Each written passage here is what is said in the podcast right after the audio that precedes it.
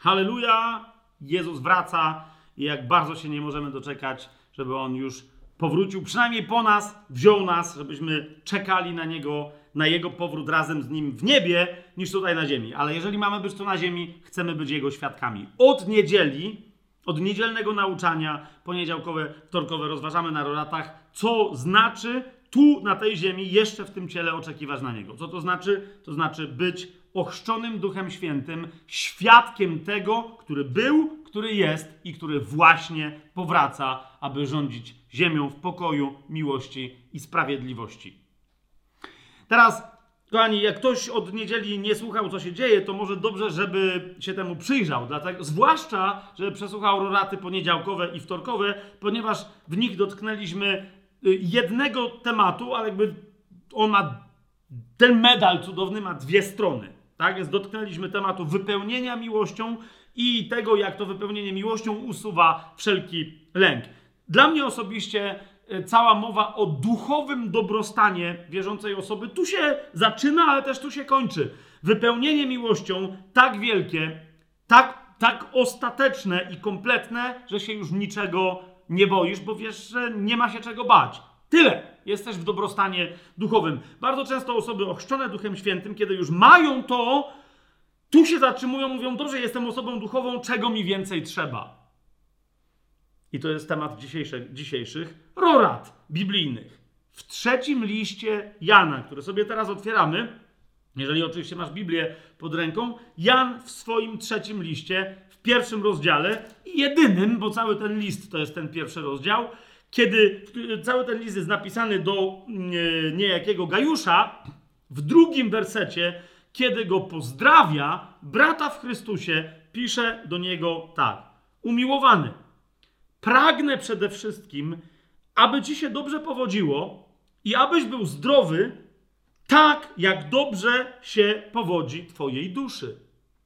Widzisz, kiedy duch jest wypełniony miłością, tak Y, że y, y, duch jest zawsze wypełniony miłością, ale kiedy duch w tym swoim wypełnieniu miłością zaczyna się rozlewać na duszę, dusza, bo duch nie ma, się niczego nie boi, natomiast dusza musi doświadczyć miłości, aby przestać się bać. Kiedy duch rozlewa się na duszę, kiedy emocjonalnie zaczynamy się czuć e, tożsami z Duchem Świętym, zjednoczeni wewnętrznie, czujemy, że nie jesteśmy porozwalani, ale że jesteśmy jedno, to jeszcze nie jest wszystko. Tu najczęściej chrześcijanie się zatrzymują. Ten front musi się rozejść dalej. Gdzie? Na wszystko to, co cielesne. Kiedy dusza poddaje się duchowi, to dusza wraz z duchem, co robią? Zwyciężają do końca ciało, aby się upewnić, że ono wisi dalej na krzyżu. Abyśmy my, w tym ciele jeszcze chodząc, de facto żyli jako już duchowo zmartwychwstałe osoby. I o tym tutaj pisze Jan. Mówi, twoja dusza się ma dobrze? E, bo być może, że Gajusz czytał poprzednie listy, na przykład pierwszy list Jana, które żeśmy rozważali wczoraj i przedwczoraj, zwłaszcza, tak? Nie boisz się, jesteś wypełniony miłością? Fantastycznie. Ale czy pozwoliłeś sobie, aby to doświadczenie braku lęku rozlało się na twoje ciało? Co to znaczy? Czy jesteś zdrowy, czy masz się fizycznie dobrze i czy powadzi ci się materialnie tak, jak Pan tego chce? Błaszkiewicz w ramach Rorat w, w tak straszliwym okresie historii świata Polski i jednocześnie tak nabożnym okresie katolickiego adwentu głosi Ewangelię sukcesu? Oczywiście, że nie. Nie wiecie doskonale, że nie. Ja tylko powtarzam to, o czym mówi Jan. On tu nie mówi, masz mieć 17 domów, 15 samochodów, w tym złotego Bentleya i miliardy na koncie. Nie, ale przypomina Gajuszowi, że wolą Bożą jest, abyśmy my dla wypełnienia tego celu, który Pan ma dla nas na ziemi, rozmaitych zadań, swoich, swoich życiowych misji, swojego życiowego powołania, potrzebujemy, abyśmy mieli zabezpieczone materialne e, potrzeby nasze i potrzebujemy mieć zdrowie fizyczne. Paweł tę samą myśl powtarza, kiedy w drugim liście do Koryntian pisze, w drugim liście do Koryntian, w dziewiątym rozdziale pisze, co następuje. To jest dziewiąty y, rozdział, ósmy werset. Powiada tak. Bóg ma moc udzielić wam obficie wszelkiej łaski, abyście, mając zawsze wszystkiego pod dostatkiem, obfitowali we wszelki dobry uczynek. Widzisz, On narodził nas na nowo. Mamy w sobie nowonarodzonego ducha. Mamy przeznaczenie do Królestwa Bożego. I teraz niektórzy czytają to zdanie, jakby tu nie rozumieli. I teraz y, czytają to zdanie, zwróć uwagę, co ty zrozumiałaś, czy zrozumiałeś. Bóg ma moc udzielić ci wszystkiego pod dostatkiem? Nie, zauważ. To zdanie mówi, że my jako chrześcijanie nie tylko mamy nowonarodzonego ducha, ale mamy od Boga gwarancję, że wszystkiego fizycznie i materialnie w swoim życiu mamy pod dostatkiem. Nie mamy nadmiaru. Nie, nie, nie mamy opływać w przepychy jakieś dziwaczne, snobistyczne, nie wiadomo co. Nie, nie, nie, nie, nie, nie. Ale mamy wszystkiego pod dostatkiem.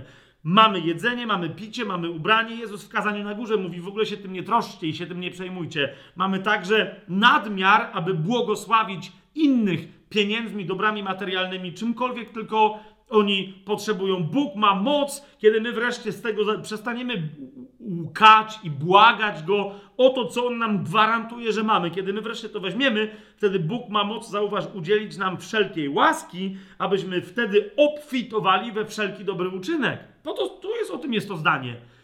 Paweł to mówi, macie wszystkiego pod dostatkiem, więc przestańcie się w duchu zajmować rzeczami, które macie. Ok? Jak ich nie macie, to się zastanówcie, ponieważ chrześcijanin, który nie ma w sobie zdrowia fizycznego lub który nie ma dobra materialnego, jest chrześcijaninem, który nie ma, bo się boi, że może nie mieć. Dlatego nie ma. Jeszcze raz, Księga Hioba między innymi o tym mówi. Jeżeli natomiast jesteś nowonarodzonym, wypełnionym Duchem Świętym chrześcijaninem, który który, w którym jest pełnia miłości, a więc nie ma lęku, to między innymi skutkuje tym, że wszelkie Twoje potrzeby cielesne i duszewne, emocjonalne są zaspokojone. Wtedy wołasz o łaskę, o pomnożenie się w Twoim życiu łaski i pokoju. Po co? Aby obfitować we wszelki uczynek, a nie o to, żeby zaspokajać potrzeby swojej i swojej rodziny. Piotr, więc już Jana zacytowaliśmy, Pawła zacytowaliśmy. Teraz sięgnijmy jeszcze do Piotra. Piotr w swoim drugim liście dokładnie tę samą myśl wyraża, kiedy powiada, to jest drugi list Piotra, drugi, yy, pierwszy rozdział, drugi i trzeci werset, w którym powiada: Łaska i pokój niech się wam pomnożą przez poznanie Boga i Jezusa, naszego Pana. Mówi coś, czego zawsze macie trochę, nie że za mało, ale możecie mieć więcej. To jest łaska i pokój. I to niech się wam mnoży. Tak?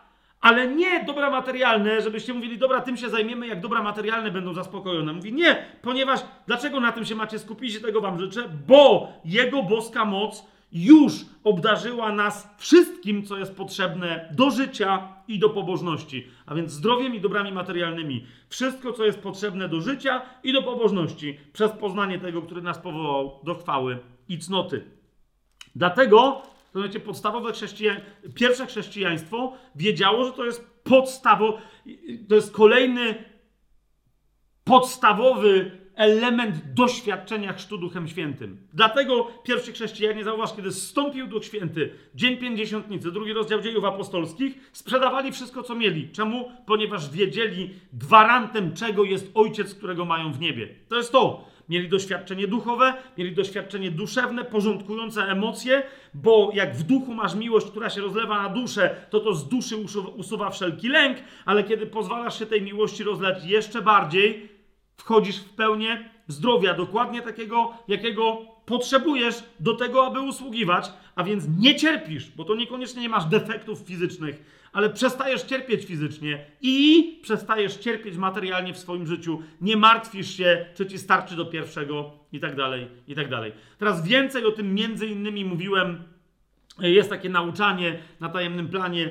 całkiem niedawno, kiedy mówiliśmy o pieniądzach w dobie kryzysu, co ci się należy. Nawet nie, nie pamiętam teraz, jak, jak, to było zatytułowane. Sama sobie znajdź, czy sam sobie znajdź, jeżeli cię to. E, wejście głębiej w ten temat interesuje. My dzisiaj tylko przypominamy o tym, że masz prawo do dobrobycia, dobrostanu materialnego, fizycznego, y, tak samo jak duszewnego i duchowego.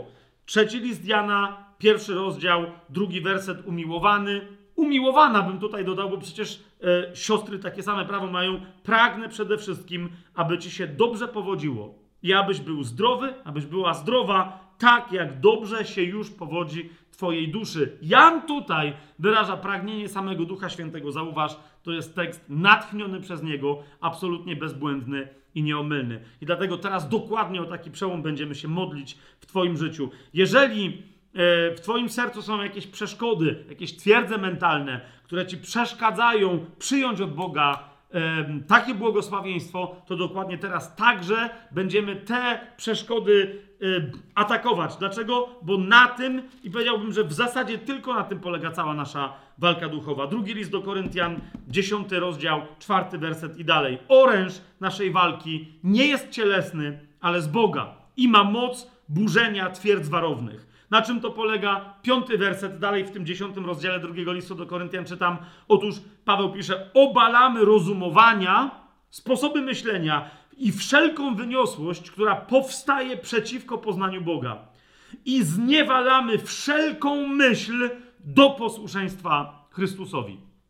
Oto teraz będziemy się modlić, abyśmy odnowili się w swoim myśleniu i przyjęli, za, tak jak mamy w duchu, tak jak mamy w duszy, tak i w naszych sercach, w naszych ciałach, w naszym materialnym otoczeniu, całe takie błogosławieństwo, jakiego sobie dla nas życzy nasz dobry Ojciec, który jest w niebie.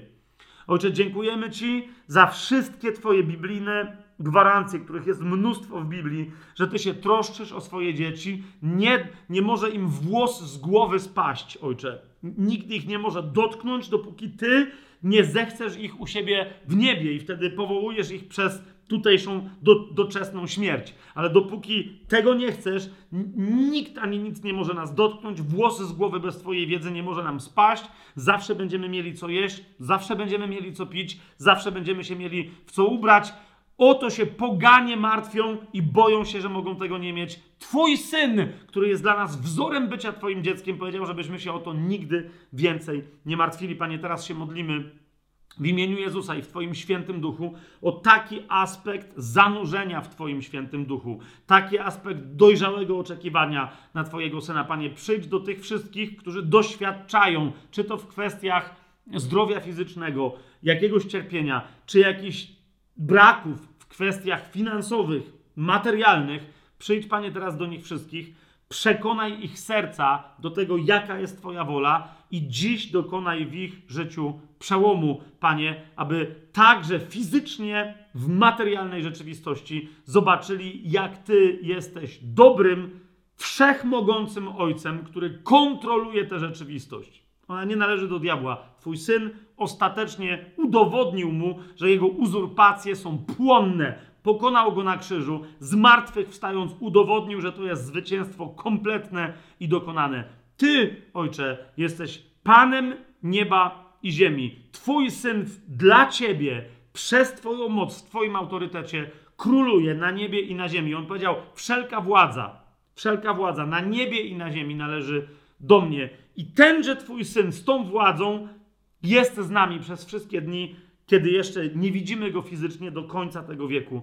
Ojcze, przez to imię, ten autorytet i tę władzę dzisiaj ogłaszamy przełom w życiu tych wszystkich, którzy chcą poddać się kompletnie w posłuszeństwo Jezusowi jako Panu, swoje powodzenie materialne, swoje zdrowie finansowe itd. E, chcą dziś złożyć w Jego ręce i we wszystkich swoich życiowych decyzjach być posłusznymi tylko Jemu, po to, aby przez taką decyzję od tej pory to już nie jest moje, to jest pańskie, aby doświadczyli, że w rękach Pana mają się znacznie lepiej, niż kiedy sami o swoim dobrostanie decydują. Amen. Błogosławiony król, który przychodzi w imię pańskie. Pokój i chwała na wysokościach. Pokój i chwała na wysokościach. Jeśli ci umilkną To kamienie wołać będą